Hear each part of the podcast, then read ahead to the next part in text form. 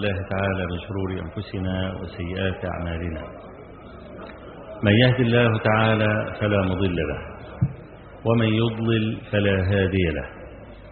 وأشهد أن لا إله إلا الله وحده لا شريك له وأشهد أن محمدا عبده ورسوله. أما بعد فإن أصدق الحديث كتاب الله تعالى وأحسن الهدي هدي محمد صلى الله عليه وآله وسلم.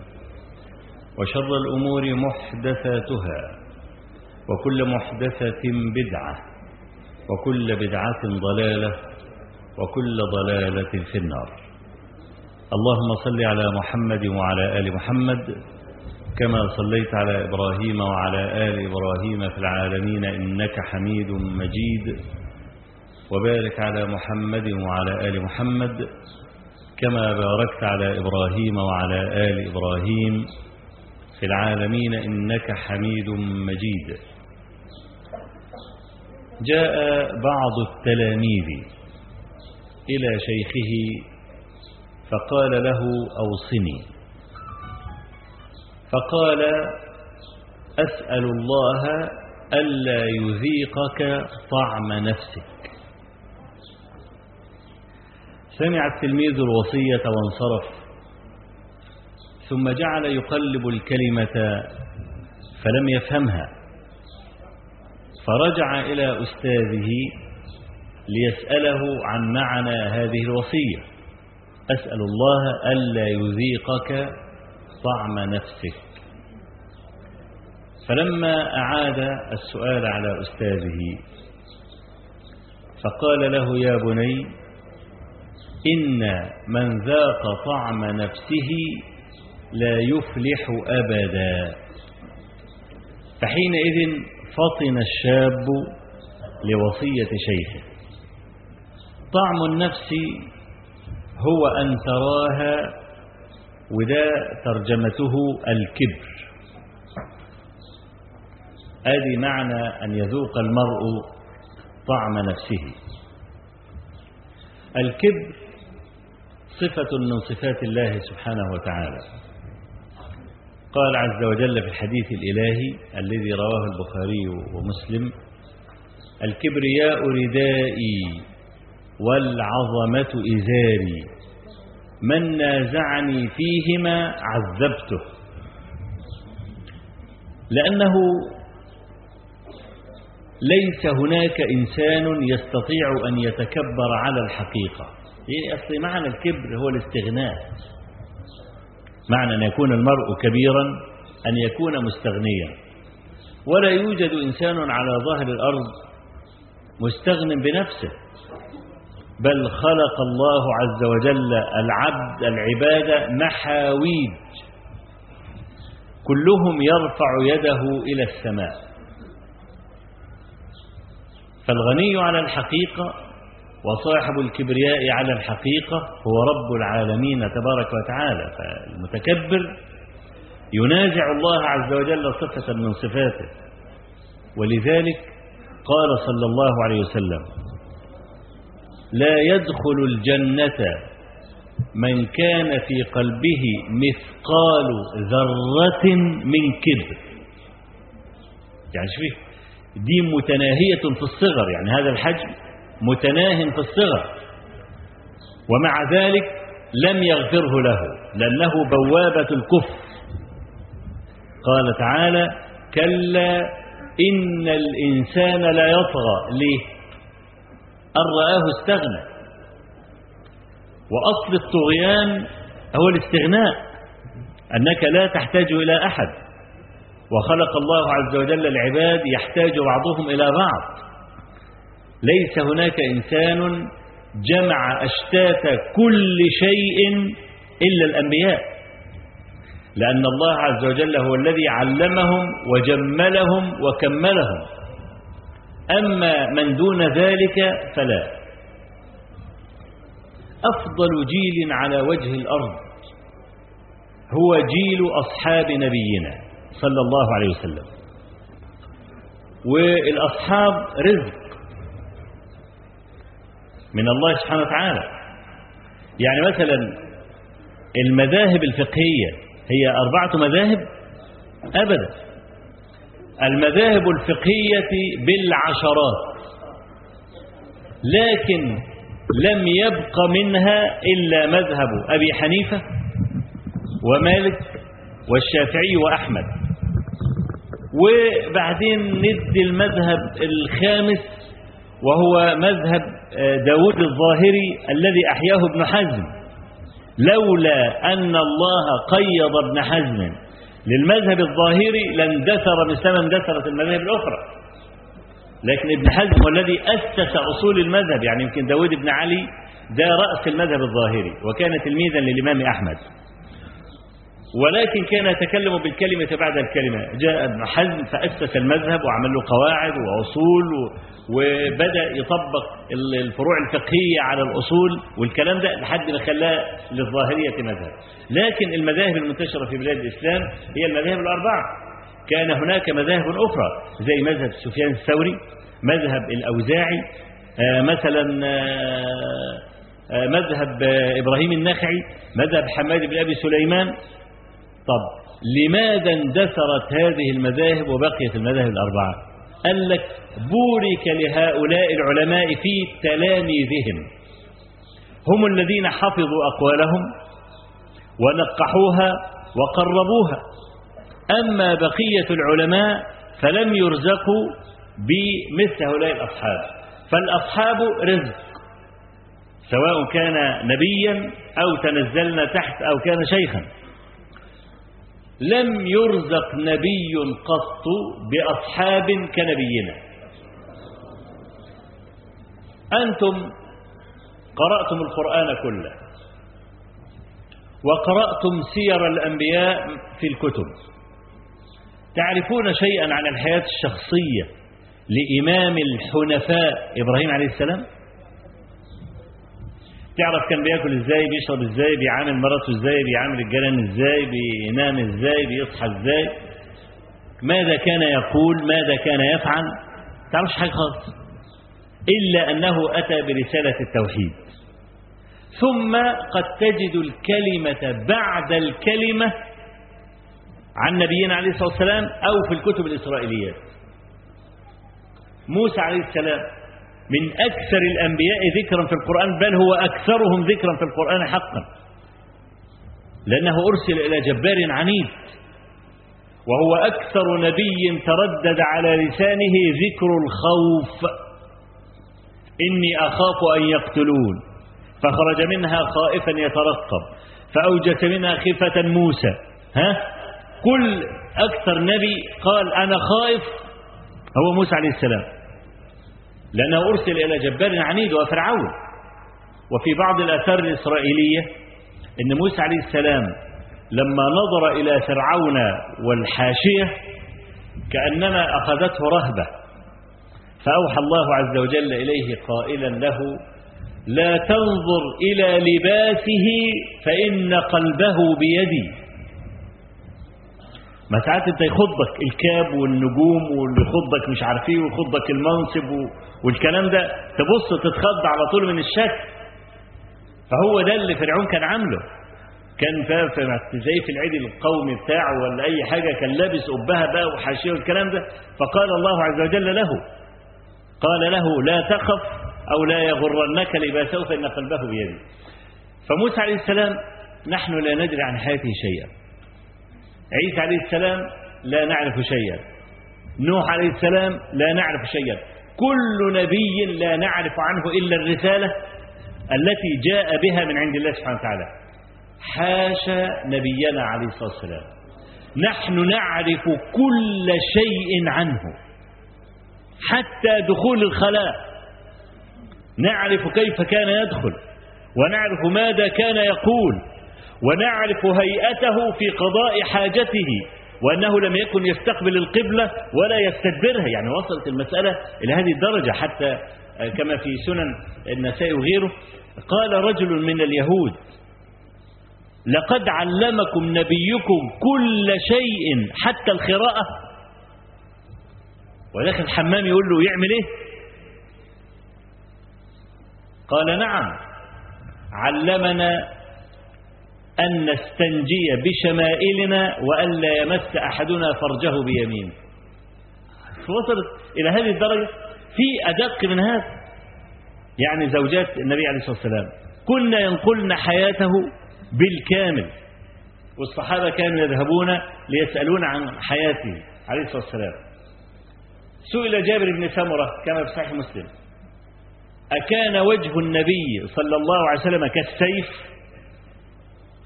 قال لا بل كان كالقمر. انت دلوقتي وانت بتسمع كان كالقمر كحلاوته يعني. لا وما كانش المقصود السؤال كده. ولا المقصود هل كان كالسيف إن وشه متجهم كده زي ما يكون واحد ماسك سيف. لا عايز يقول له كان وشه مطول يعني ولا مدور. ها؟ هو السؤال كان عن كده. في إحنا عندنا واحد وشه بيبقى طويل واحد وشه بيبقى إيه؟ واحد وشه بيبقى مدور؟ فهو كان السؤال عن كده. أكان وجهه كالسيف طويلا؟ ولا إيه قال له لا كان كالقمر يعني وشه كان مدور. ما كانش طويل. ها؟ وجابر بن سمرة نفسه كما في صحيح مسلم. هو الذي قال خرجت في ليلة قمراء إضحيان أمر 14 يعني. فجعلت أنظر إلى النبي مرة وإلى القمر مرة فلكان في عيني أجمل من القمر. وده كلام واحد محب. لما يخرج من بيته ليعقد مقارنة بين القمر وبين وجه النبي عليه الصلاة والسلام. كانوا متيمين به لأنه كان يستحق ذلك. والذي أسس مكارم الأخلاق. والدعوة لا تقوم إلا بخلق. إنك لا تستطيع أن تسرق قلوب الناس إلا بالخلق. أنا شفت فيديو لرئيس ليبيا. واحدة امرأة منتقبة بتقدم له شكوى إنها تحتاج إلى إعانة. أول حاجة عملها انكشف لها وشها. مش ده المهم؟ المهم الآتي. قعد يقول لها أنت إيه طلباتك؟ قالت له أنا عندي أولاد ومش عارف وبكى. قال لها طب أنت رحت اللجنة الفلانية؟ قالت له رحت وما ادونيش. طب رحت اللجنة العلانية؟ آه رحت وما ادونيش طب فين الورق اللي معاكي؟ بص في الورق. يبدو إن ختم النسر مش باين. ها؟ ده تصرف رئيس دولة. الكلام ده يعمله موظف. لكن إذا أنا وصلت إلى رئيس الدولة انحلت مشكلتي. حشمة رئيس الدولة تقتضي ذلك. ما عودش أناقشه كأني موظف في مصلحة. المشكلة كيف تصل إلى رئيس الدولة؟ أما إذا وصلت فطلبك مجاب مئة بالمئة. على الأقل من باب الحشمة. وأن هذا أحد رعيته. وكيف أنه وصل إليه؟ يبقى شكاته ارتفعت تماما. كان كان أئمة المسلمين قديما وولاتهم لأنهم تأدبوا بأدب الشرع وتأدبوا بأدب التربية من الآباء والكلام ده. تجد مواقفهم أشبه بالسحر إذا قستها بمواقف كل من جاء بعدهم. يعني المأمون هارون الرشيد اللي هم عمالين يشوهوا صورته. والذين شوهوا صورتهم النصارى. لأن هارون الرشيد كان يغزو سنة ويحج سنة. وكانت مملكته في غاية الاتساع. كانت الشمس تشرق وتغرب في مملكته.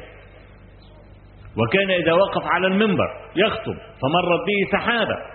كان يقول أيتها السحابة أمطري هنا. أو أمطري هناك فسوف يأتيني خراجك. يا إما إذا كان مسلم يبقى يدفع الزكاة يا إما إذا كان غير مسلم يدفع الجزية. فلما يكون رجل مملكته بهذا الاتساع فكان بيجهز أولاده اللي هم الأمين والمأمون والجماعة دول علشان هيرثوا الحكم بعده. وسياسة الناس من أعوص ما يمكن أن تتخيل. ممكن تجيب. القرد وتعلمه عجين الفلاح. وتقول له نوم العازب يا قرد. ها؟ أنتوا فلاحين زينا؟ واكيد شفتوا القرادات زمان وهو يقول له نوم العازب يا قرد عجين الفلاحة يا قرد والكلام ده. القرد بيعمل الكلام. ها؟ الأسد. انت انت بتربيه وتعلمه والكلام ده؟ وأنا شفت على اليوتيوب والكلام ده قطة وكلب. هو يقول له ماما القطة تقول له ماما. والجمهور يضحك. الكلب يقول له بابا يقول الكلب يقول له بابا برضه. يعني وصلنا إلى درجة إن القط والكلب والكلام ده ممكن توصل معاه الحل. البني آدم ما تعرفش توصل معاه. ليه؟ لأن الله عز وجل خلق له عقلا. وقال الله عز وجل وكان الإنسان أكثر شيء جدلا.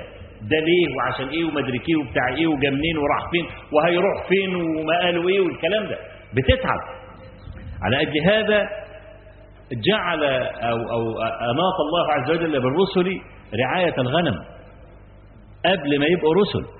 لازم يبقى راعي غنم لأن الراعي راعي الغنم يلقى من غنمه شدة. لأن الغنم كل غنمها لها دماغ. والغنم أكثر الحيوانات تشرذما.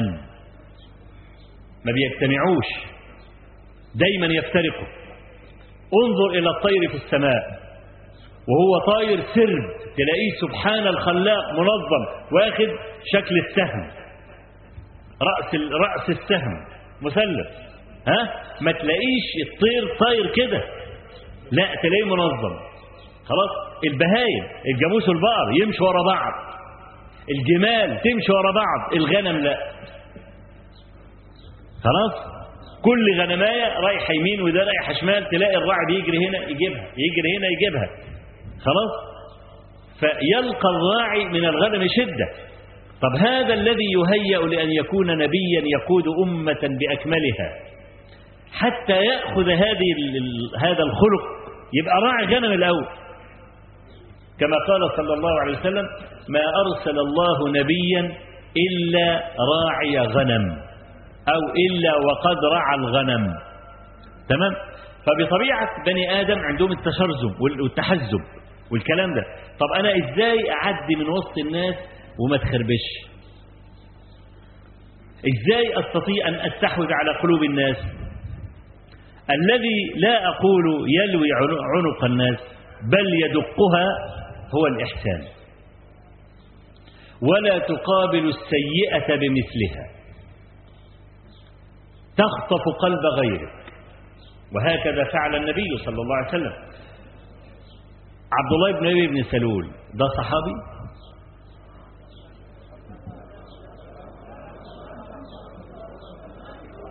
خلي بالك إن هو كان مع النبي على طول.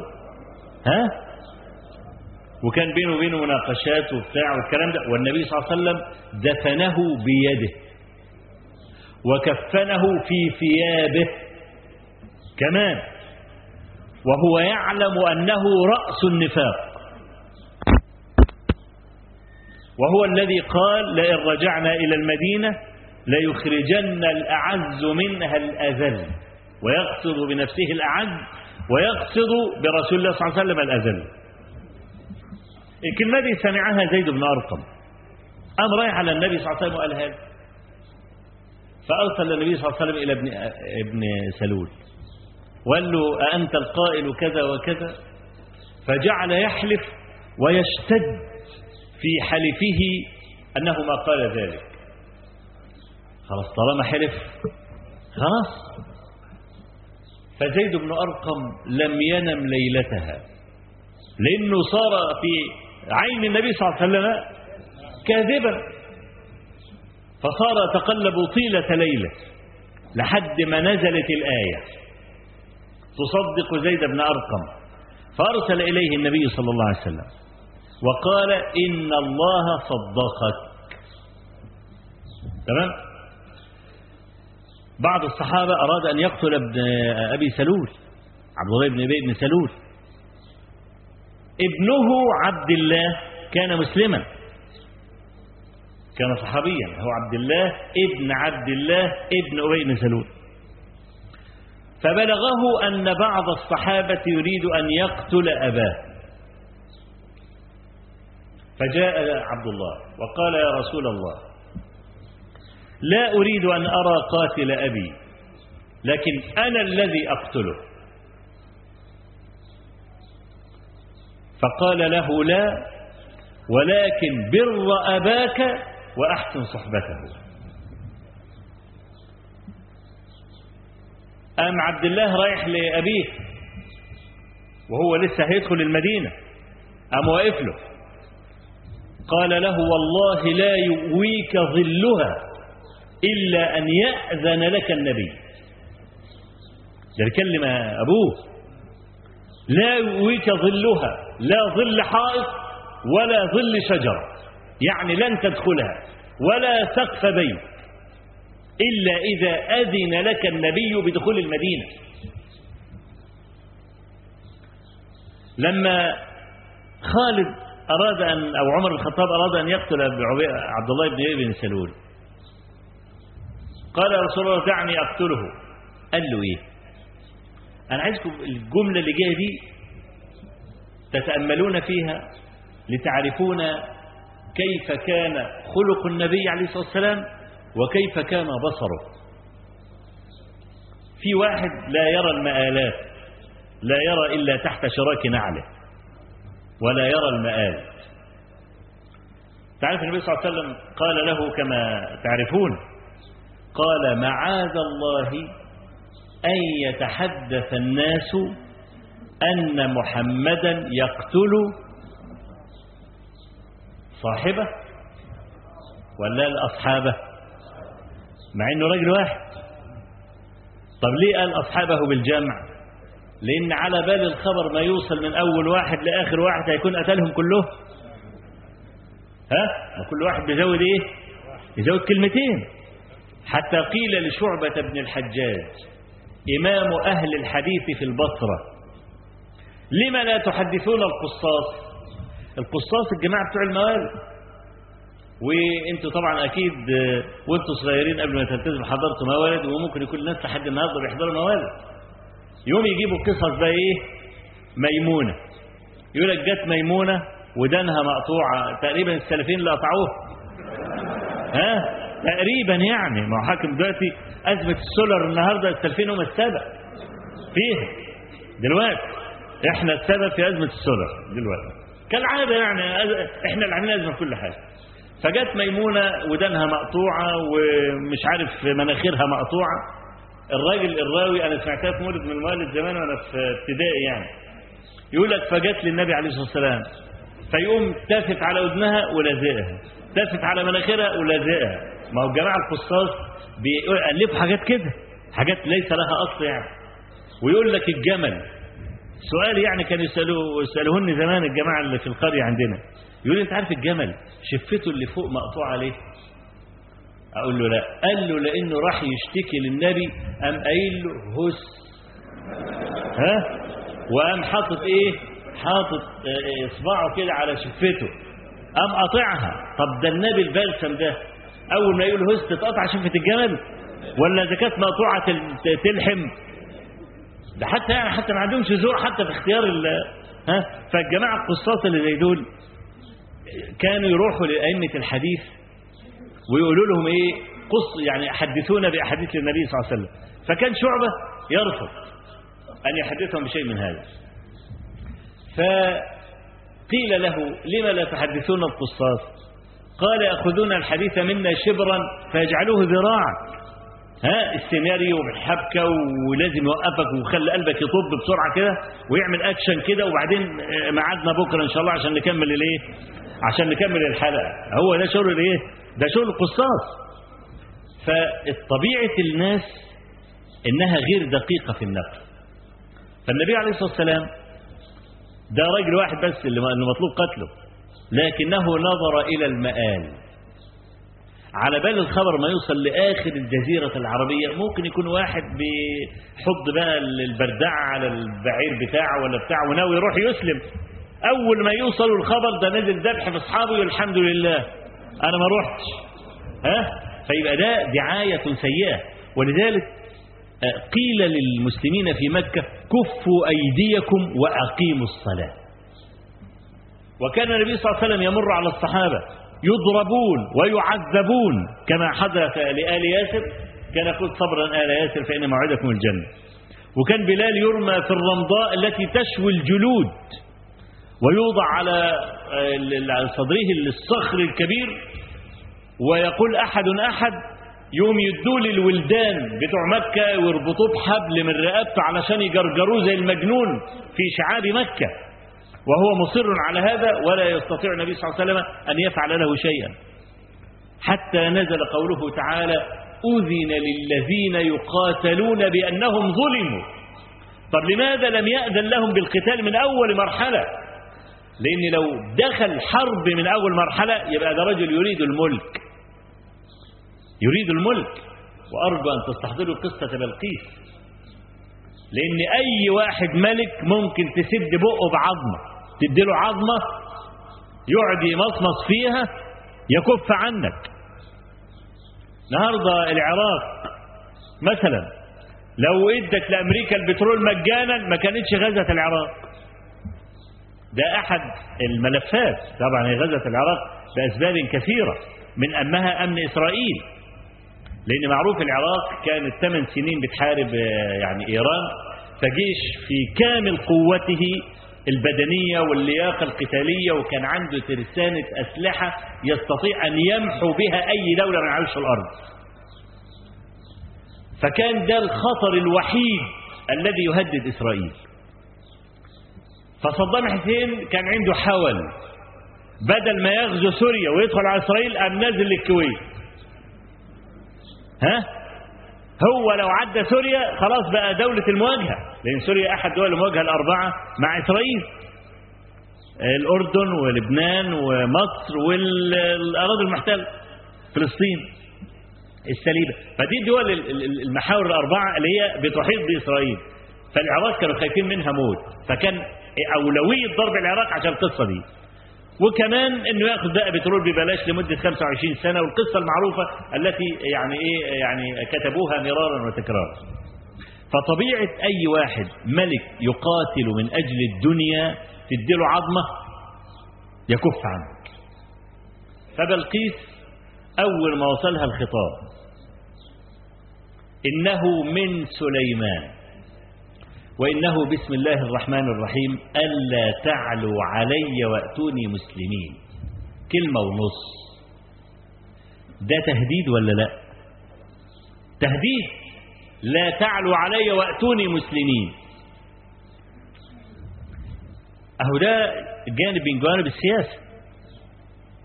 قالت إيه؟ جامعة الحشد وزير الدفاع ورؤساء الأركان رئيس الأركان و وقادة الأفرع الرئيسية والمش عارف إيه والأمن المركزي والشرطة والقصة دي. ماشي؟ قالت لهم إيه؟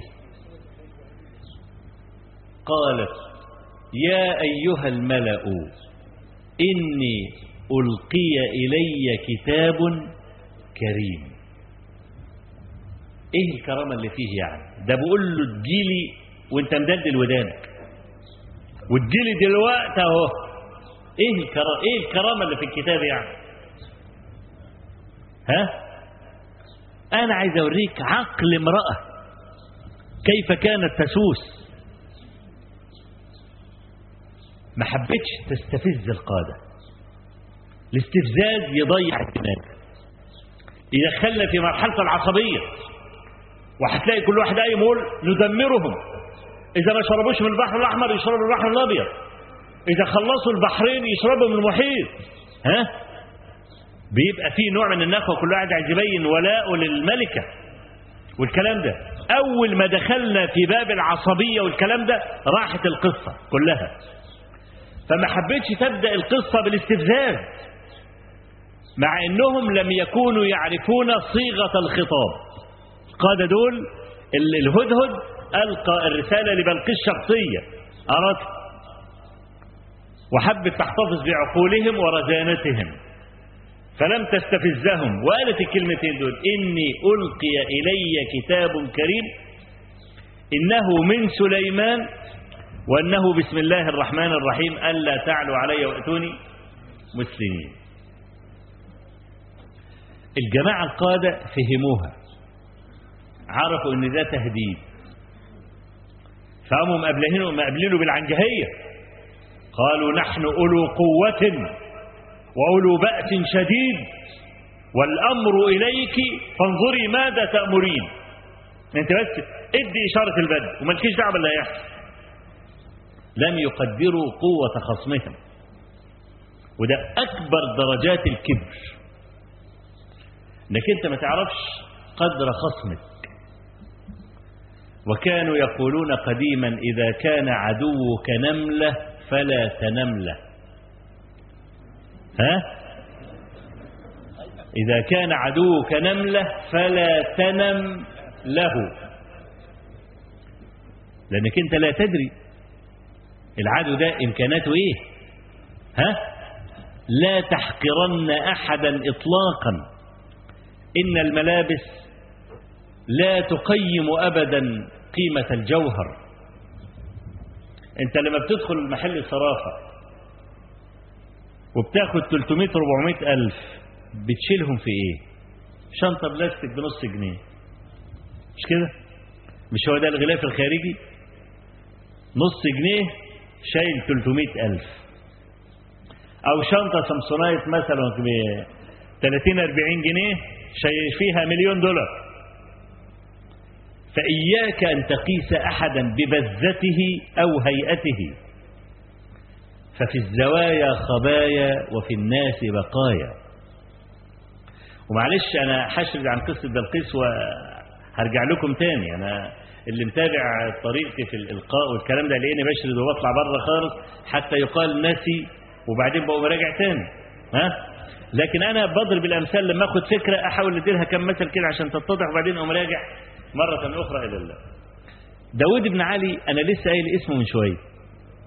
قلت إن هو إمام أهل الظاهر. فكان بيحضر له 400 عمة. العمة زمان كانت توزن بلد. زمان. أيام العلماء بقى والكلام ده. كان بيحضر له 400 عمة. وبعدين هو بيديهم الدرس يوم جاء واحد لبس هدوم مزيتة وحالته كرب كده.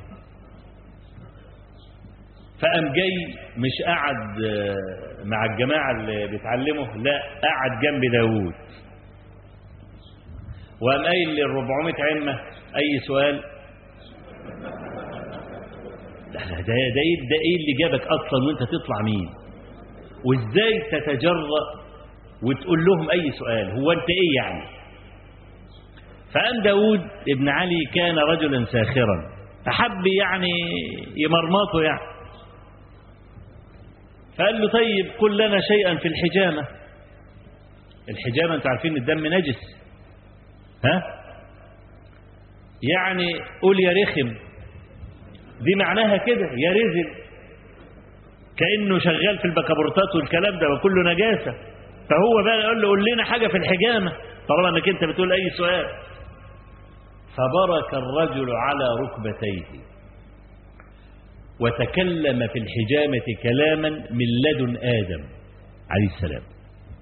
ومن أول من حجم من بني آدم ومن أول من احتجم. جاب تاريخ الحجامة لحد أيامه هو. خلاص؟ ثم بعد ذلك ذكر أقوال الفقهاء جميعا في الحجامة. وزيف ما زيف من الأقوال ورجح ما رجح منها بالدليل. بحدثني فلان عن فلان عن فلان لأن كان هو البضاعة اللي ماشية في تلك الأيام. ثم أتى بكل أحاديث الحجامة وبين عللها والصحيح منها والضعيف. وظل يسرد في الحجامة أقوالا لم يسمع بها لا داود ولا عمة واحدة من العمم اللعب قال داود بن علي وهذا محل الشاهد. قال فعاهدت نفسي بعدها ألا أحتقر أحدا. ما هو أبو هدوم مزيته طلع عالم كبير ليس رجلا هينا صار عالما كبيرا. الشافعي لما دخل العراق بلد في العراق وكان الشافعي كان فقيرا هدومه مقطعة والكلام ده. وكان غريبا عن البلد. فصلى العصر معاهم وبعدين خلاص داخلين على المغرب وما فيش حد لا يستضيف ولا بتاع. فهو أمل أن يعرفه أحد فيقول له طب تعالى ما نغديك ولا حاجة وتبات عند الليل وبعدين بكرة تمشي. طمع في هذا بينه وبين نفسه. بس ما فيش حد عمل كده. كله صلى وإيه؟ وروح وسابوا لوحده في المسجد. فصعبت عليه نفسه. فبص لهدومه كده المقطعة. وأنشد أبياتا من الشعر. وتعرفين الشافعي كان فحلا في لغته. يقول ابن هشام النحوي كلام الشافعي حجة. في العربية ولأن أول ما بدأ تعلم في قبيلة هذيل أفصح العرب وكان بيحفظ عشرة آلاف بيت من قبيلة هذيل. أفصح العرب. فالشعر عنده سجية زي, زي النفس عندنا كده. لما بص لنفسه كده وما لقاش حد دعاه صعبان عليه نفسه والكلام ده فقال علي ثياب. ما هو سابوه ليه؟ لو كان لابس بقى هندام وبدة كده وبتاع كان حد قال ده الراجل ده يبقى من أهل الأكابر ومش عارف إيه والكلام ده وابن ناس ها؟ اتعرف عليه والكلام ده لكن ده هدومه مقطعة زي صاحبنا اللي قال أي سؤال بتاع داود بن علي كده. فقال علي ثياب. لو يقاس لو يباع جميعها بفلس كان الفلس منهن أكثر وفيهن نفس لو يقاس ببعضها نفوس الورى كانت أجل وأكبر. يعني يقول إنهم قاسوه ووزنوه بإيه؟ بالثياب بتاعته دي. فالذي ينظر إلى نفسه ده ملوش حل عنده كبر. الكبر عادة يأتي ويستخرج بالاستفزاز. تتكلم انت يا ابني انت ابن مين في مصر؟ ده مصر اللي بناها كان في الأصل حلواني ما تلم نفسك ها؟ يعني ما انتش ابن كذا ولا ترتان ولا علان ولا أبوك لا منجم ذهب ولا بئر بترول ولا الكلام. ده كان أصله حلوان. يعني ملزق. ها؟ فلم نفسك وبتاع. أول ما تستفزه مارد الكبر وطالع بره على طول. إن شاء الله حتى يكون هو مين؟ حتى لو أحد المؤمنين كمان. ما لم يرده الإيمان مارد الكبر يطلع على طول. فمارد الكبر يخرج بالاستفزاز. فالست كانت حريصة على إن تقول ألقي إلي كتاب كريم علشان يفضلوا بالاتزان العقل بتاعه. عشان نشوف الحل في الراجل اللي بيقول ألا تعلوا ألا يأتون المسلمين قاموا داخلين بقى بالايه لأن عرفوا إن في ده تهديد. ها؟ قالوا نحن له قوة وأولو بأس شديد. وما حبوش يتخطوا الحدود. والأمر إليك. فانظري ماذا تأمرين. شوف عقلها بقى. قالت إن الملوك إذا دخلوا قرية أفسدوها. عشان كلهم طلاب دنيا. أفسدوها. وجعلوا أعزة أهلها أذلة وكذلك يفعلون. طب عايزين نعمل حيلة. وإني مرسلة إليهم بهدية. ليه عايزة تستكشف الرجل ده؟ إيه اللي يوقفه؟ أقصى آماله إيه؟ عايزين ينطق لأن الجملة اللي بعتها لا تبين من هو ولا ما هي قوته. فأنا عايز أستكشف المسألة قبل ما أدخل فيه. ها؟ وده اللي حاول معلش اسمحوا لي أنا بخرج كتير برجع تاني. بس الظرف الراهن يعملنا كده. كنت بتحدث مع فضلاء الأساتذة الآن وإحنا في الغرفة عن القضية دي. لما حصلت الثورة والكلام ده وبعدين السلفيين ابوا على السطح ها؟ وبعدين قعدوا يتساءلوا ويقولوا لنا أنتوا جيتوا منين؟ أنا كان جوابي قلت لهم عشان أنتوا كنتوا ساكنين في زحل ها؟ وما كنتش شايفين الناس اللي تحت. دايما عندكم الفوقية. حاسين إن هم النخبة وطالعين فوق فبيحتقروا من دونهم. ف الإخوان المسلمين أول ما الثورة قامت والكلام ده هوت وارتفع عنه اسم المحظورة وبقت المحظوظة. ها؟ هم عارفين الإخوان عايزين إيه؟ الإخوان طول عمرهم بيقاتلوا عشان يبقى لهم حزب سياسي وعشان يبقى لهم تمثيل برلماني وعشان يبقى منهم وزراء. هم عارفين القصة لكن السلفيون طول عمرهم يعلموا. يعلموا العقيدة يعلموا السلوك يعلموا الأخلاق ودي في سوق الزمان ما بتأكلش عيش. ها؟ يقول لك آه، بيتكلموا في الأخلاق خليهم يتكلموا. إحنا كلنا هنموت ولسه ما خلصناش الكلام في الأخلاق. فطالما إن هو ما بصش في الكرسي ولا عايز يقاتلنا على كرسي ولا وزارة الكلام سيبوهم يلتوا ويعجبوا خلاص مفيش مشكلة. فلما جت التعديلات الدستورية و- والسلفيون ميلوا الكفة ليه؟ لأن الشعب المصري سلفي بدون أن يشعر. لأن أنا النهارده لما أكون أنا وإن لم أعلن أنني سلفي أنا أتكلم عن خاصة نفسي يعني. أنتوا سمعتوني في المحاضرات الشباب اللي كان بيتابعني في أيام قبل الفضائيات في الشرايط والدروس والكلام ده ما شافوش إن أنا كنت بقول أنا سلفي. خلاص؟ لما طلعت في الفضائيات ما كنتش بقول أنا سلفي. إنما كنت أقول على مذهب القرون الثلاثة الأول. الجدع يقول لا. ما يعرفش يقول لا. ها؟ أنا كده ورطته. لأن القرون الثلاثة الأول هم قرن النبي صلى الله عليه وسلم. والقرن الأول والثاني والثالث. اللي هيتبرى منهم مش هيبقى مسلم. فأنا عايز صيغة ما فيش حد يعارضني فيها. وقول لي أنت جماعة وأنتوا كلكم مفرقين الصف وأنتوا بقيتوا زي الإخوان وبقيتوا زي الجهاد والتبليغ والمش عارف إيه والكلام ده. والسلفية ليست جماعة السلفية مذهب وفكر. السلفية هي الإسلام مش إحنا الإسلام كسلفيين. لأ إحنا معرضين للخطأ وال- ومعرضين لل- للارتكاب الباطل معرضين لكل حاجة كبشر لكن السلفية كمذهب هو الإسلام. تمام؟ فما كناش بنقول إحنا سلفيين.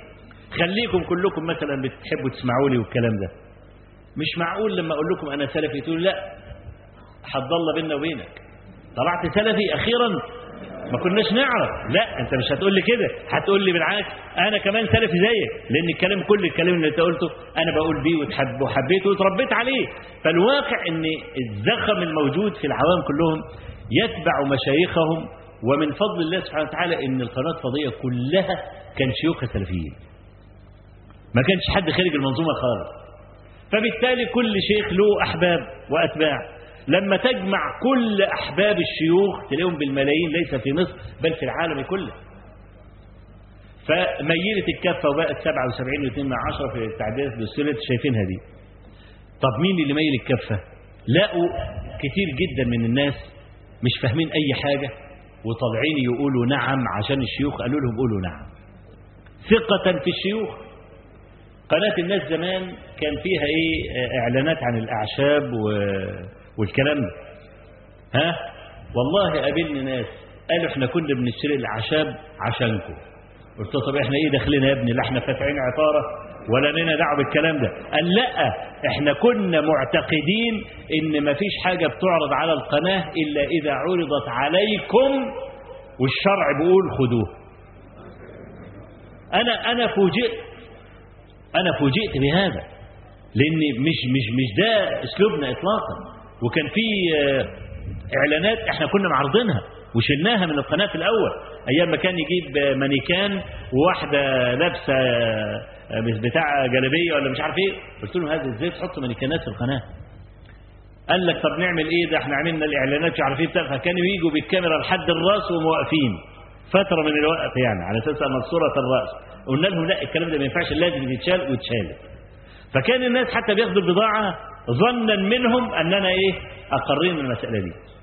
لدرجة إن امرأة عجوز كبيرة في السن فوق السبعين سنة راحت لواحد من اللي واقف في الصف قالت له يا ابني أعلم على إيه؟ لأول مرة من من أكثر من 60 سنة الناس تقف على لجان الانتخابات كطوابير الخبز والغاز. ما حصلتش في تاريخ مصر اطلاقا. لدرجة الست العجوزه بقول لك دي. فبتقول له واحد يا ابني هو إيه الموضوع؟ أعمل إيه يعني جوه؟ قال لها هتعلمي صح على دايرة. قالت له اني دايرة فيهم؟ قال لها يا حاجة الجنة لونها إيه؟ يعني شوف البساطة بتاع الست وصلت لدرجة إنها مش عارفة حاجة خالص.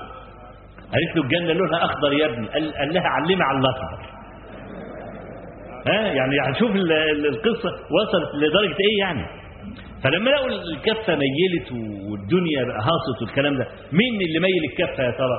لقوا السلفيين. طيب الإخوان عرفنا هم عايزين إيه وخلصنا. طب السلفيون ماذا يريدون؟ من هم؟ مش عارفين هم مين. ومش راضيين يتكلموا. فقال لك أحسن حاجة تستفزه عشان يتكلم. خلاص؟ فهو إيه؟ السلفيين بيقطعوا الودان مع إن قصة قطع الودن دي قصة معروفة جدا وكانت دعارة والقصة ديت وملناش دعوة بيها لا ناقة لنا ولا جمل. لقوا برضه ودن واحد ما تحركش أمة. ها؟ قال لك بس تاهت ولا أناه. السلفيون يهدمون أضرحة الأولياء. شوف بقى الأولياء بقى لما نهد الضريح على دماغ ولي ده ده ده خلاص بقى ستزلزل الأرض وتخر الجبال هدا عشان في والد طربة المقام على دماغه. وهم متصورين إن الشعب المصري صوفي من زمان وموالد بقى ومولد مثلا البدوي يحضروا 4 مليون والدسوق يحضروا 3 مليون والكلام ده. فاكرين إن الشعب كده؟ ما عرفوش إن المنظومة اتغيرت. وإن هذا الجيل اللي كان عمال يشطح وينطح والكلام ده أغلبه مات. وجيل الشباب دلوقتي ما عادش هو اللي بتاع فتة وروح مش عارف يعمل إيه والكلام ده. الدنيا اتغيرت لكنهم لا يرصدون. ولا بد من تجريد التوحيد لأن قول الله تعالى وأن المساجد لله فلا تدعوا مع الله أحدا. ادخلوا أي مسجد فيه ضريع. تبص تلاقي يا فلان جاموسة متعثرة. يا رب عايزة تولد. ابني هينجح. مراتي هتعمل قيصري خلاها تولد طبيعي. الكلام ده إحنا شفناه. الكلام ده إحنا شفناه لدرجة إن في واحد راح ضريح الإمام الشافعي. وراح يقول له آه، أنا مراتي بتولد ومش عارف إيه وعايزك تس- تسهل لها الولادة. فاللي جنبه قال له إيه؟ قال له واحد خده. خده وراح يولد آه، واحدة تانية. ها؟ يعني وصلت المسألة إلى هذا الاستخفاف إلى هذه الدرجة يعني. ها؟ فالمقابر الموجودة في المساجد ده ضد التوحيد على خط مستقيم ولن نتنازل عن هذه القضية. دي قضية بالنسبة لنا محورية بس إحنا مش الجهة اللي تهد المقابر. اللي يهد المقابر أولياء الأمور زي الحدود. واحد زنى وجاء قال لي أقم علي الحد لا يحل لي أن أقيم عليه الحد. لست أنا الحاكم لست أنا ولي الأمر ولي الأمر هو الذي يقيم الحدود. فولي الأمر هو اللي يعمل القصادي لكن أنا أنكر وأقول هذا لا يجوز وإلى آخره. فالمهم يا أخوانا رمونا بالفرة فاتكلمنا. فالمرء مخبوء دائما تحت إيه؟ لسانه. الست بقى العاقلة.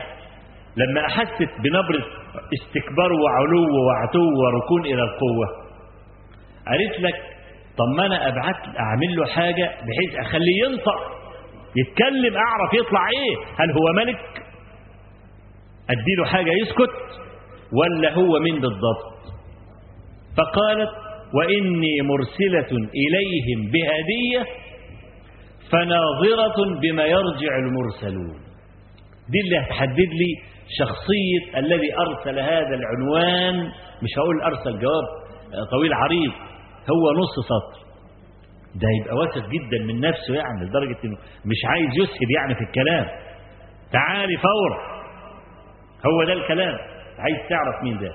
فقال أفضل حاجة إذا كان الملوك إذا دخلوا قرية أفسدوها وجعلوا أعزة أهلها أذلة ندي لهم قرشين ونشوف القصة. دي.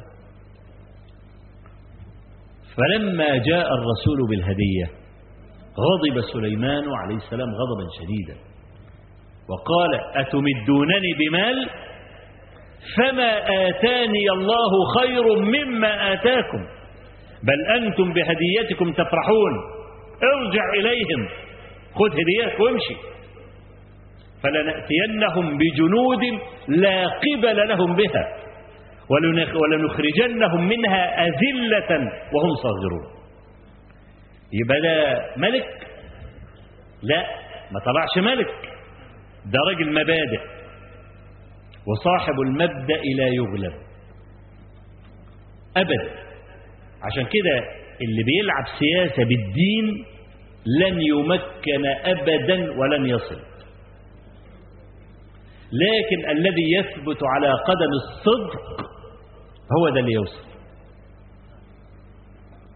السلفيون مما يميزهم أنهم ثبتوا على مبادئهم ما غيروهاش. ما جاش واحد منهم في يوم من الأيام وقال إخواننا الأقباط. أبدا مش السلفي قالها إطلاقا. ليه؟ لأننا نعرف وأن نعرف أن هذا حرام. قال تعالى إنما المؤمنون إخوة. وفي لغة العرب إنما أسلوب حصر. زي نفي الاستثناء كده. أسلوب حصر. فحصر الأخوة في أخوة الإيمان. لدرجة أنه لم يزل اسم الأخوة عنهم بالبغي بينهم. بل لم يسلب عنهم صفة الإيمان بسبب البغي. قال تعالى وإن طائفتان من المؤمنين اقتتلوا. أهو. برغم أنهم اقتتلوا إلا أن الأخوة الإيمانية لا ترتفع لا بالاقتتال ولا بالبغي. ها؟ وإن طائفتان من المؤمنين اقتتلوا فأصلحوا بينهم. فإن بغت إحداهما على الأخرى فقاتلوا التي تبغي حتى تفيء إلى أمر الله. فإن فاءت فأصلحوا بينهما بالعدل وأقسطوا إن الله يحب المقسطين إنما المؤمنون إخوة.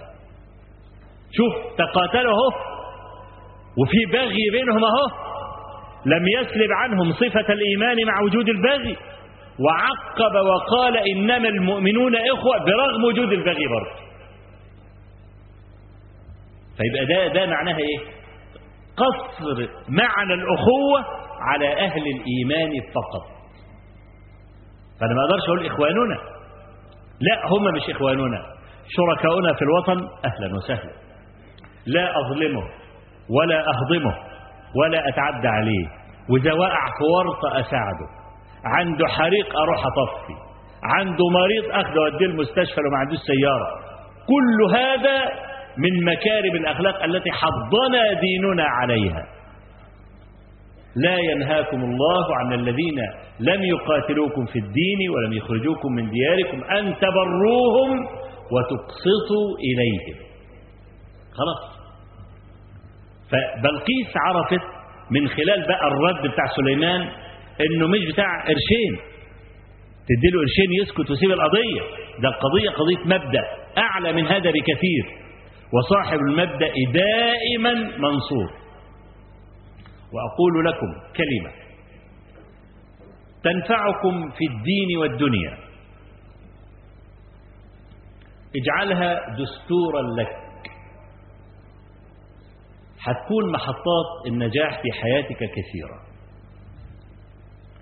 الحكمة تقول إن المقاتل لا يغير عقيدته ولكن يغير موقعه. أنا عايز أوصل لهدف معين. لو مشيت في هذا الطريق هتدمر.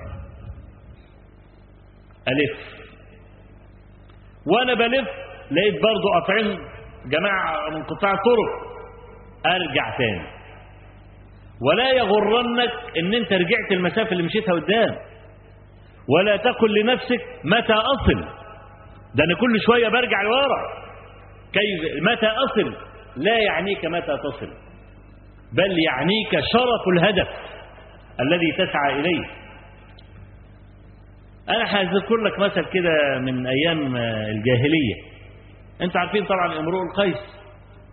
ها؟ الشعر الفحم واللي هو دخل التصوير الشعري على شعر العرب. وكان بارعا فيه. أبوه كان ملكا. وأراد أن يسترد ملك أبيه. فخد واحد صاحبه وقال له تعالى في الرحلة بتاعتنا علشان إيه؟ إن عايزين نسترد الملك. فلما عدوا الحدود وصاحبه لقى العملية جد مش هزار زي ما كان متخيل. وقف وخاف على نفسه وبكى. إنه هيقتل. ده هم اتنين. رايحين يستردوا ملكا. فأمرؤ القيس أم قايل إيه بكى صاحبي لما رأى الدرب دونه.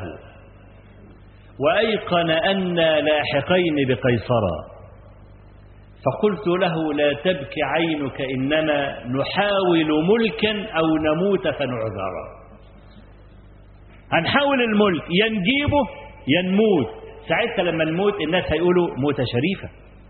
ده ما كان ده ما ماتش في طابور الغاز. ها؟ ولا مات في طابور الخبز ده رايح يجيب الملك. ها؟ إنما شوف صاحبنا بقى في الأزمان المتأخرة لما عمل تشطير لبيتي أمرؤ القيس. واحد صاحبهم عزمهم وقال لهم تعالوا إيه أما ذبح لكم ديك شمرت حلو وبتاع. ها وعامل لكم وليمة وكده واتاري كان عامل فيهم فخ. فأول ما دخلوا لقوا فحل البصل وطبق اللفت والكلام ده. فصديقه اللي كان بيمني نفسه بانه ياكل بقى شمرت والكلام ده زعل قوي.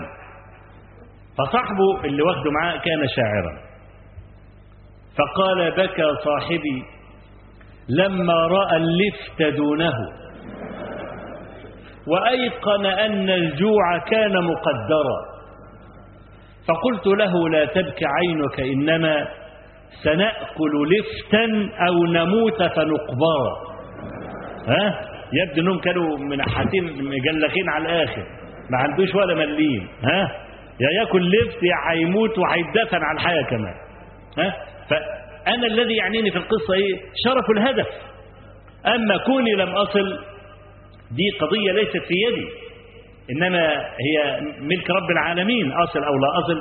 عشان كده أنا بقول لإخواننا اللي بيقول لك إيه نفسي قبل ما أموت أعيش في الدولة الإسلامية. أنا بقول له ما تقولش كده. بل يجب عليك أن تفعل ما أنيط بك. أما الباقي لشغلك. قال الله عز وجل لنبيه صلى الله عليه وسلم فاستقم كما أمرت. هو ده المطلوب. مش مطلوب أكتر من كده. لا تقول لي تمكين ولا تقول لي مش عارف إيه لاننا لا ندري من يمكن له. لكن تمشي صح. ولا تغادر قدميك طريق الاستقامة. أبدا. وإذا استزلك الشيطان وخرجت عن الطريق لازم ترجع تاني. لأن تمام الآية إيه؟ فاستقم كما أمرت ومن معك ولا تطغوا طب إيه معنى معنى بقية الآية؟ قال ربنا سبحانه وتعالى فاستقم كما أمرت ومن إيه؟ تاب. هيتوب من إيه؟ لازم من ذنب. خلاص؟ يبقى أول حاجة تخرجك عن طريق الاستقامة هو الإيه؟ الذنب. فلو تب يبقى رجعت.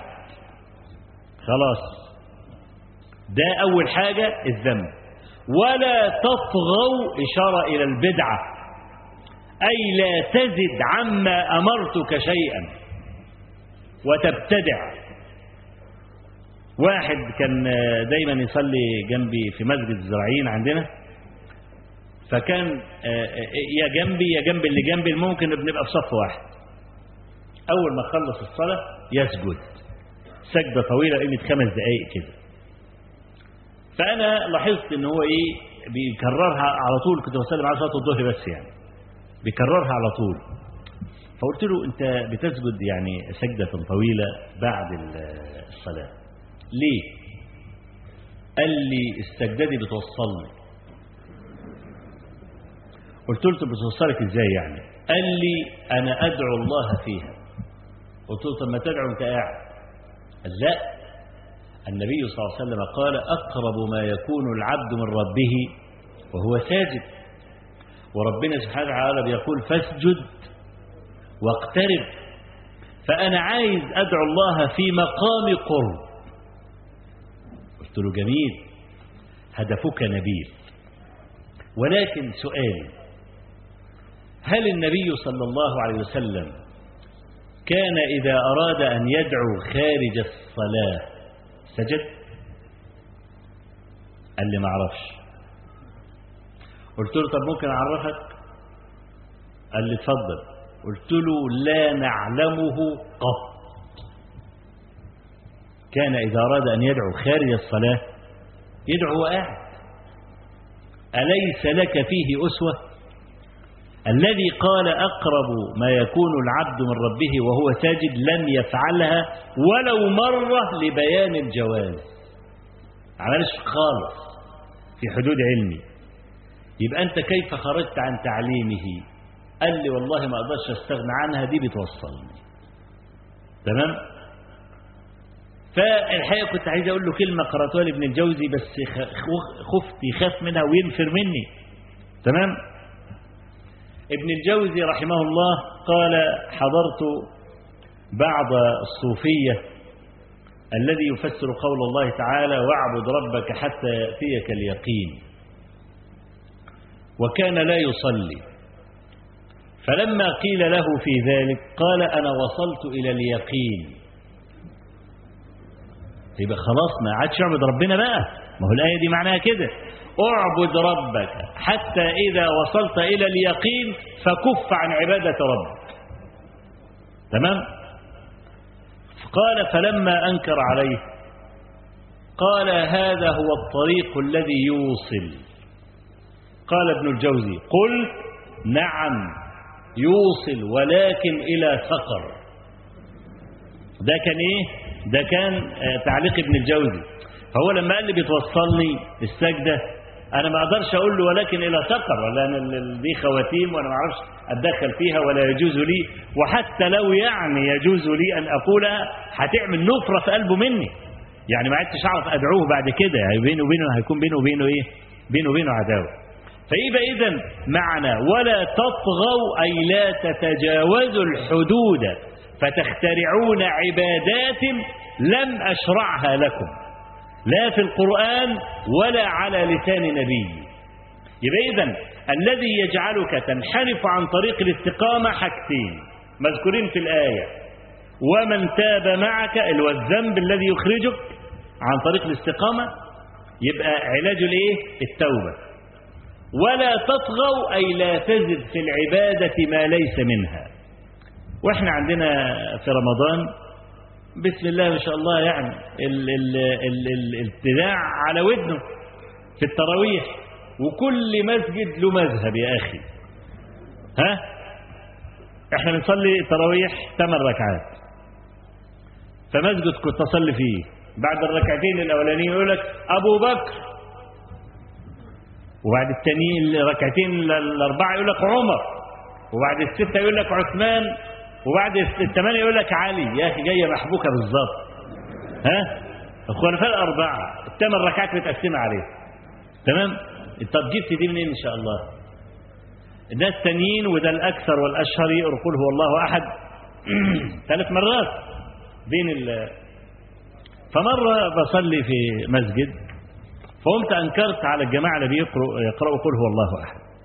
فطلع لي واحد من ركن المسجد كده وقال لي أنت بتقول لي بدعة؟ يعني قل هو الله أحد بدعة؟ هو ده ده أبوهم يترك الوصف ويتعلق بالأصل. هو القصة كده. قلت له لا قل هو الله أحد مش بدعة. بس إيه رأيك؟ لو أنا عطست قمت انت قايل لي؟ قل هو الله أحد الله الصمد لم يلد ولم يولد ولم يكن له كفوا أحد. لو أنا عطست يعني وأنت قلت لي الكلمة دي هذا أو قرأت علي ياسين عشان تستريح مني. ها؟ أو قرأت آية الكرسي أو عملت أي حاجة بعد العطاس. الكلام ده ينفع؟ قال لي لا ما ينفعش. قلت له ليه؟ قال لي لأن النبي ما عملهاش. قلت طب بلغك أن النبي صلى الله عليه وسلم كان يفعل هذا. يقرأ قل هو الله أحد بين التراويح. فسكت شوية وكان راجل كبير يعني عدى الستين يعني. فقال لي يعني أنت عايز تقول لي كده ببساطة إن أنا بقالي ستين سنة مغفل؟ قلت له أنا ما قلتش كده. يعني إيه؟ من يوم ما بدأ يصلي التراويح وهو عمال يقول إيه؟ قل هو الله أحد الله الصمد وبتاع الكلام ده. قلت له أنا ما قلتلكش كده. ولكن أنا عايز أقول أن هذا ليس من السنة. والمرء لا سيما إن لم يكن متخصصا يفوته شيء كثير يعني. أنا نفسي في كثير من علوم الشريعة اللي أنا متخصص فيها لا أعلمها. حتى في العلم اللي أنا متخصص فيه تخصص التخصص بقى في علم الحديث في أشياء كثير أنا لا أعلمها. فكل إنسان مدين بجهله. فإيه الإشكال يا أخي لما ترجع أنت إلى السنة وأنا عرفتك المسألة بدون ما أجرحك ولا الكلام دوت خرج مغضبا خد البلغة ومشي. تمام؟ فأنا عايز أقول لما يجي يقول قل هو الله أحد أهو. وحطها ما بين التراويح. ويقول لي أنا بقرأ قرآن نقول له لأ. الذي سن لك الشرع لم يفعلها. وبعد ما مشي طبعا اتكلمت في الناس كلمة. عشر دقائق كده تذكرة يعني وذكرت لهم الحديث الذي أخرجه الحاكم وغيره. أن رجلا عطس عند عبد الله بن عمر. فقال الرجل الحمد لله والصلاة والسلام على رسول الله تمام؟ أنا عايز شبابنا يتعلموا من فقه ابن عمر لأن بكل أسف إحنا كمشايخ اتهمنا في فترة من الفترات إن إحنا علمنا الشباب قلة الأدب. ويقولوا مش دي تربيتكم؟ آه. بقى لسانه أطول من الفرقين زي ما بيقولوا إحنا لم نعلم الشباب قلة الأدب بطبيعة الحال لكن كل شاب له صفات متربي عليها. ممكن الدين ما يأثرش فيه. فشوف ابن عمر قال إيه؟ قال له وأنا أقول مثلك الحمد لله والصلاة والسلام على رسول الله ولكن ما هكذا علمنا رسول الله. بل علمنا إذا عطف أحدنا أن يقول الحمد لله أو الحمد لله على كل حال. طيب. ابن عمر ليه فصل له وقال له وأنا أقول مثلك؟ الحمد لله والصلاة والسلام على رسول الله. لأنه لو قال له أنكر عليه جملة هيطلع الراجل يقول ابن عمر بينكر الصلاة على النبي. ها؟ ما هو ده اللي كانوا بيقولوا لنا لما كان بعد الأذان وإحنا طلبة في الجامعة ونروح بقى الأرياف في العزبة عندنا. فكان طبعا في موشح كده بيقولوه بعد الأذان. الصلاة والسلام عليك يا خير خلق السلام عليك أنا يا نور مش عارف مين يا نزل طلع مش عارف. كلام بيقولوه كده عجيب أنا مش عارف أحفظه. بس لازم يتقال بعد الأذان. فلما كنا نقول لهم يا جماعة ما ينفعش تصلوا على النبي بعد الأذان. يقول لي أنت بتنكر عليا أصلي على النبي؟ أنتوا بتكرهوا النبي. وكان يقول لنا هذا الكلام. ما كناش نعرف الفقه بقى اللي كنا شباب أحداث يعني.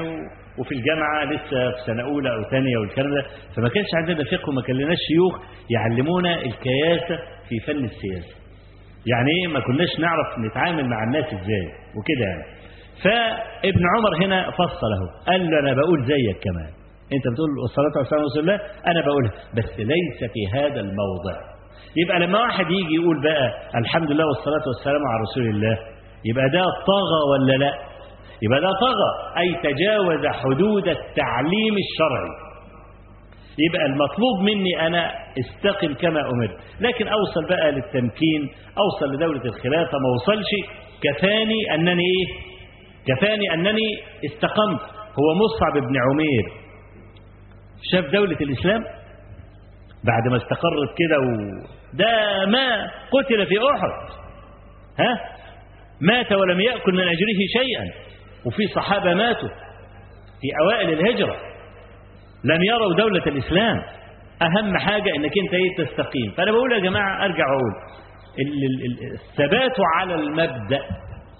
لا تغير مبدأك إطلاقا لكن ممكن أغير الوسيلة. ممكن أرجع لورا ما يضرش. المهم ما تدمرش. أنا عايز أقول لكم وأختم يعني بهذه الكلمة. القادة العسكريون لما بيحطوا خطة حرب بيعملوا خطتين. خطة انتصار وخطة هزيمة. فيش جيش في الدنيا يعمل خطة انتصار فقط. لأنه ما يعرفش على الأرض إيه اللي هيحصل. ممكن الخطة كلها تتغير. والعدو يفاجئني بأشياء أنا ما توقعتها إطلاقا ولا عملت حسابها فبيضع خطة هزيمة. طب لو العدو كان تقيل عليا وقواته جرارة وطلع لي من اليمين والشمال حبيت أرجع وأتقهقر. بأي طريقة أرجع؟ أرجع عشوائي زي سنة 67 ها؟ عشان يبقى الجنود بيجروا في صحراء سيناء بلا غطاء جوي فيقتل منهم الألوف المؤلفة ولا أرجع وأختبئ. أستاذ الأستاذ اللي كان بيعمل القصة دي الفريق سعد الدين الشاذلي رحمة الله عليه ده راجل دماغ. حتى في حرب 67 لما المشير عبد الحكيم عامر أمر بالانسحاب وحصل هرجلة في الانسحاب وحصل انقطاع لخطوط المواصلات والاتصالات بسبب إن العدو ضرب كل الشبكات الاتصالات الموجودة في سيناء والكلام ده وانقطع اتصال سعد الدين الشاذلي بالقيادة بتاعته. فمش عارف ما هو الموقف. إحنا اتضربنا ولا انتصرنا؟ طب هروح يمين ولا شمال؟ كان منتظر رأي القائد يقول له اتحرك يمين اتحرك شمال اقف مكانك ما لقاش حاجة. فيعمل إيه؟ لقى طيران العدو مستهدفه. وكان معاه 1500 جندي وكان معاه حوالي 50 60 دبابة والكلام ده. بلغه إن القيادة العامة لأنه أرسل ضابط اتصال برتبه برتبة كبيرة عشان يعرف إيه الموقف. عرف الكارثة.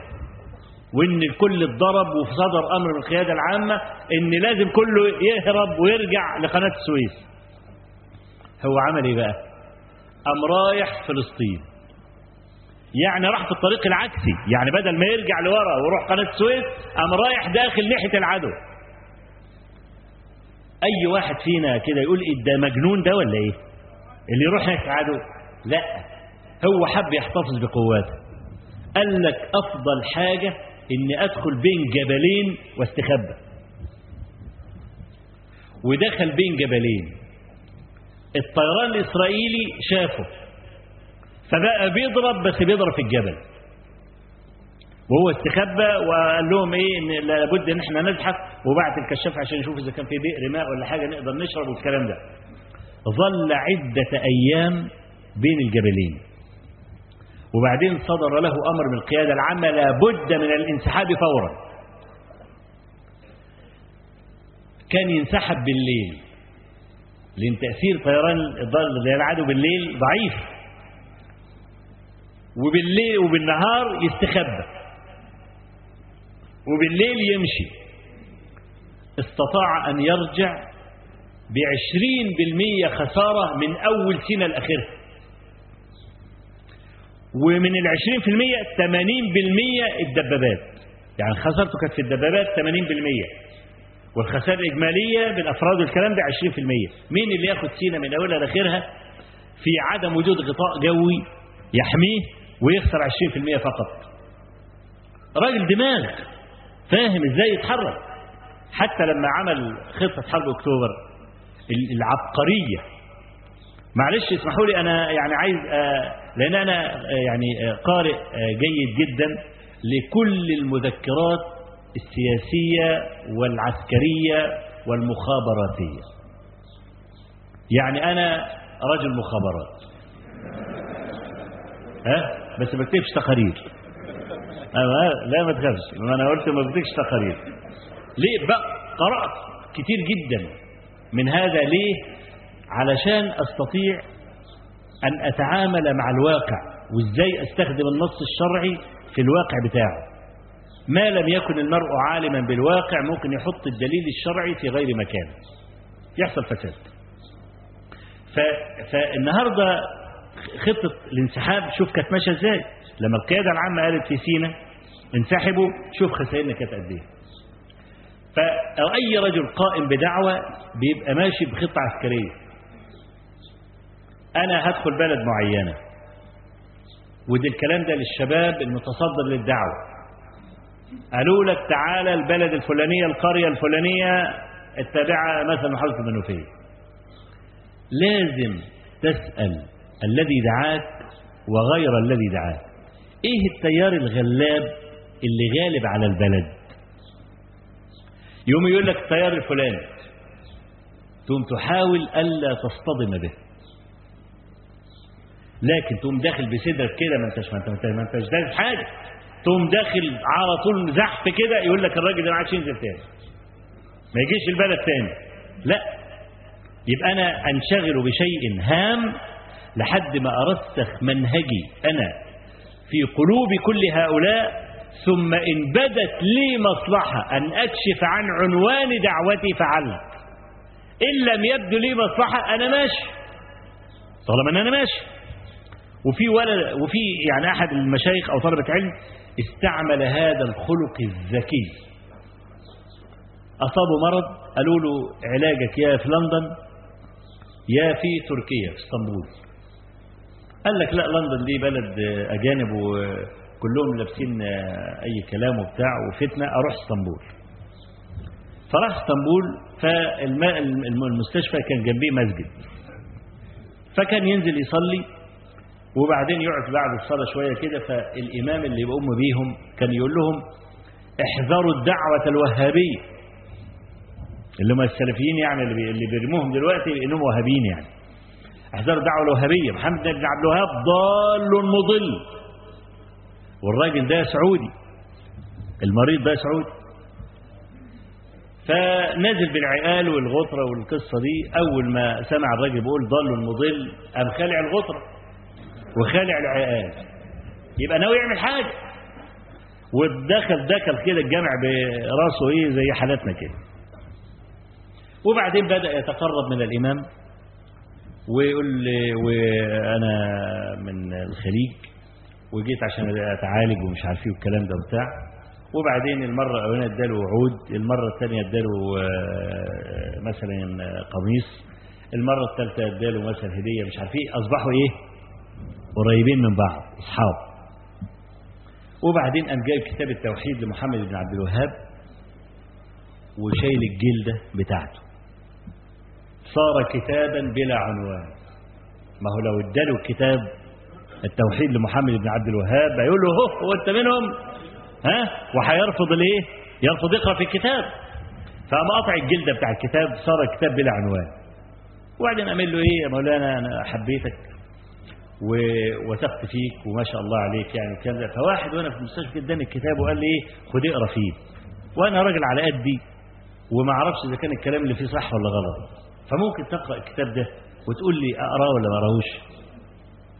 كتاب التوحيد لمحمد بن عبد الوهاب عبارة عن آية وحديث وما يؤخذ من الآية والحديث. مش أكتر من كده. عناوين يعني. الراجل خد الكتاب وبعدين بعد ثلاث أربع أيام قابله صاحبنا. قال له يا مولانا قريت الكتاب وكده قال له كتاب رائع. ممتاز. ليس فيه غير القرآن والحديث وما يؤخذ من الحديث من الفوائد. حينئذ فجر قنبلته. وقال له هذا الكتاب هو كتاب التوحيد لمحمد بن عبد الوهاب الذي سمعتك تقول أنه ضال مضل. أسقط في يد الإمام وما صدقش الموضوع. قال له لا انت بقى الأستاذ مش أنا.